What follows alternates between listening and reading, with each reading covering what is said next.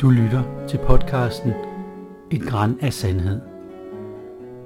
En samling små historier fra den store verden. Skrevet og indtalt af Michael Bjerg. Musikken er spillet af Jan Sommer, som også har klippet og produceret. God fornøjelse.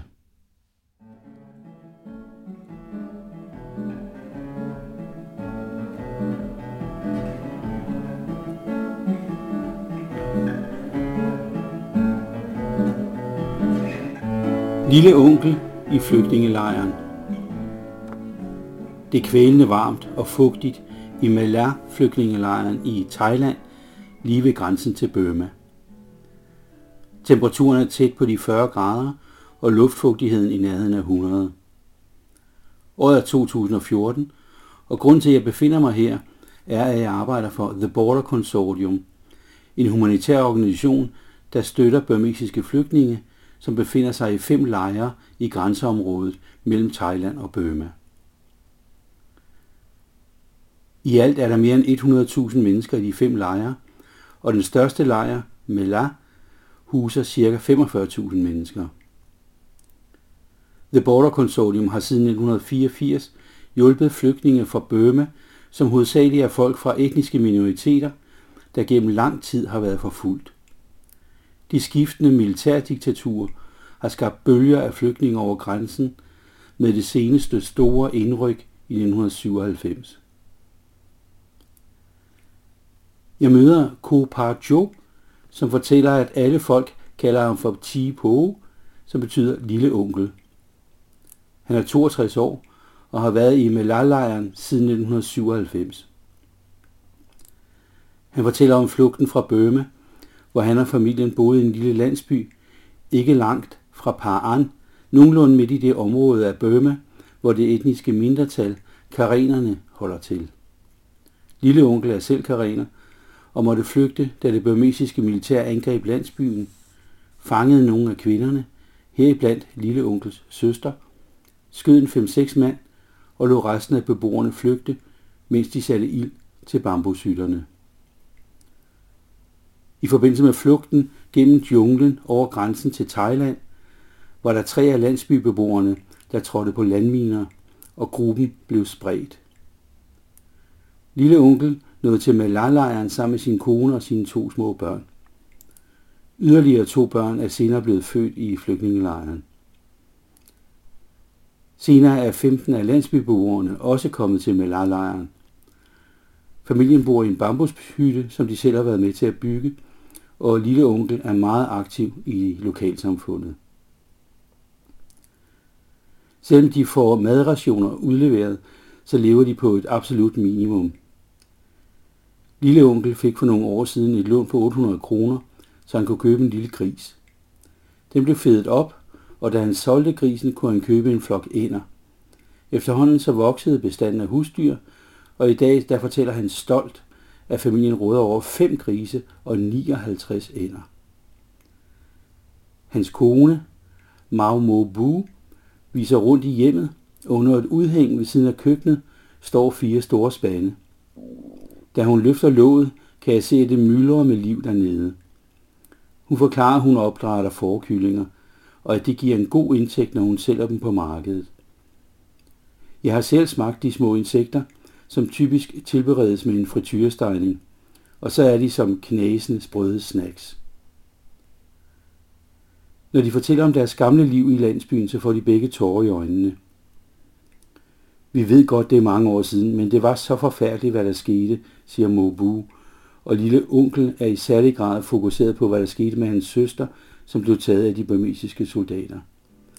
Vi har ikke hørt noget som helst fra hende i 17 år, snøfter han.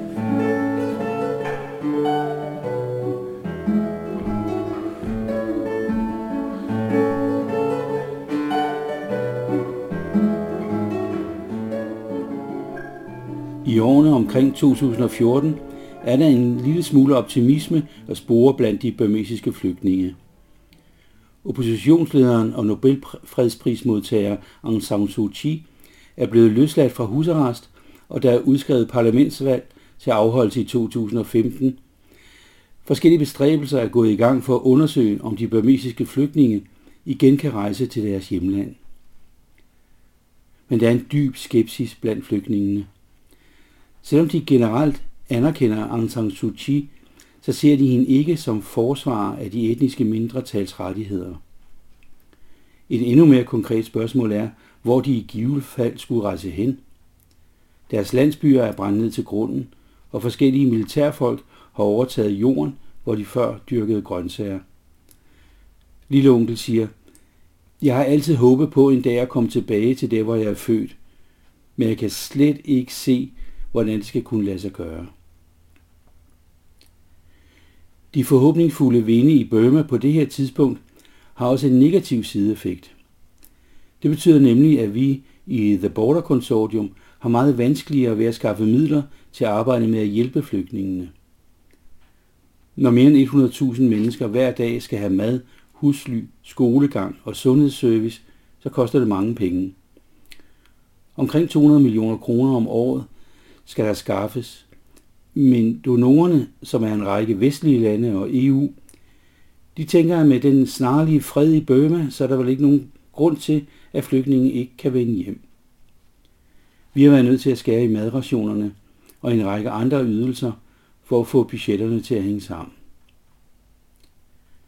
Lille onkel og jeg går en tur rundt i lejren, som strækker sig over et kæmpe område med bambushytter bygget op af bakkeskråningerne og jordveje, der fører forbi skoler, lærerbygninger, sundhedscentre og små marker. Lille onkel viser mig, hvor hans grise og holder til, og han fortæller, at han hovedsageligt fodrer dem med køkkenaffald. Jeg tænker, det er godt, at hans familie har lidt ekstra, når vi nu skal til at give dem alle sammen mindre mad hver dag. Vi hilser på en af lille onkels venner, til Yabu, som har mistet sit ene ben. Han forklarer, at han trådte på en landmine på sin vej fra landsbyen i Burma til Thailand. Midt ude i junglen blev hans venstre ben pludselig til en i tu sprængt kødklump. Og kun fordi lokale hurtigt fik bandager omkring såret, lykkedes det ham at undgå at forbløde. Han blev fragtet til en lægeklinik i den thailandske by med Sot, hvor den kvindelige læge Cynthia Mwang har hjulpet 10.000 vis af burmesiske flygtninge. Cynthia kunne ikke redde hans ben, men fik det syet pænt sammen, og lige nu så venter til Jabu på at få en protese, som han kan sætte på benstumpen. Bømme har en af verdens største koncentrationer af landminer. Hvert år rapporteres om mere end 5.000 tilfælde, hvor landminer er gået af, og tusindvis af burmesere er enten blevet dræbt eller invalideret af de her skjulte våben. Det er hovedsageligt den burmesiske hær, som har spredt landminer på veje og stier for at forhindre de etniske mindretals bevæbnede militser i at bevæge sig rundt i jungleområderne. Men også militserne selv har udlagt hjemmelavede miner for at forstyrre militærets fremrykning.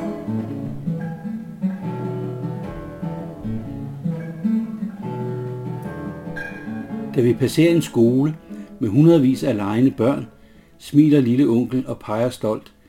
Min ældste datter er nu lærer der. Jeg kigger på børnene og tænker, at de formentlig alle sammen er blevet født her i lejren, og hvorvidt nogen af dem på et tidspunkt kan vokse op i fred og frihed. Melal-lejren er omgivet af et stort hegn. De thailandske myndigheder vil ikke have, at flygtningene integrerer sig i Thailand, eller for eksempel tager ind til den store by med Sot for at søge arbejde. Det er helt umuligt at forestille sig et liv, hvor man kun må bevæge sig rundt i et begrænset område og aldrig møder andre end de øvrige mennesker i lejren. Det er i realiteten et kæmpestort fængsel. Det er selvfølgelig umuligt at sikre, at der ikke er nogen, der trodser forbuddet, og jeg har talt med flere, der enten tjener en skilling som løsarbejder hos en thailandsk bonde i nærheden, eller har været en tur over grænsen til Burma for at se, om der er mulighed for at vende hjem. Men straffen er voldsom, hvis man bliver fanget af det thailandske militær. Man bliver kørt direkte til venskabsbroen, som forbinder med Sot i Thailand med Mirawaddy i Burma. Og her bliver man læsset af hos de burmesiske myndigheder, hvor der venter langvarige fængselsstraffe, eller det der er værre. Perspektiverne for de burmesiske flygtninge er også truet af, at Thailand efter den 22. maj 2014 igen er blevet et militærdiktatur. Den folkevalgte kvindelige præsident Yen Shinawatra blev tvunget fra magten af en militærjunta anført af general Prayut, og der er nu stor usikkerhed over, hvordan dette diktatoriske regime vil forholde sig til, at der lever mere end 100.000 burmesere i lejre langs grænsen til Burma. Da jeg spørger lille onkel om militærets overtagelse i Thailand, kommer et lille forsigtigt smil frem i hans furede ansigt. Soldater vil altid prøve at komme til magten. De tror, at bare fordi de har gevær, så er de de stærkeste. Men der er noget, der er stærkere end våben, og det er folks håb og drømme. Da jeg forlader lejren i den hvide Toyota Land Cruiser, tænker jeg over lille onkels ord, men jeg er desværre ikke sikker på, at han har ret.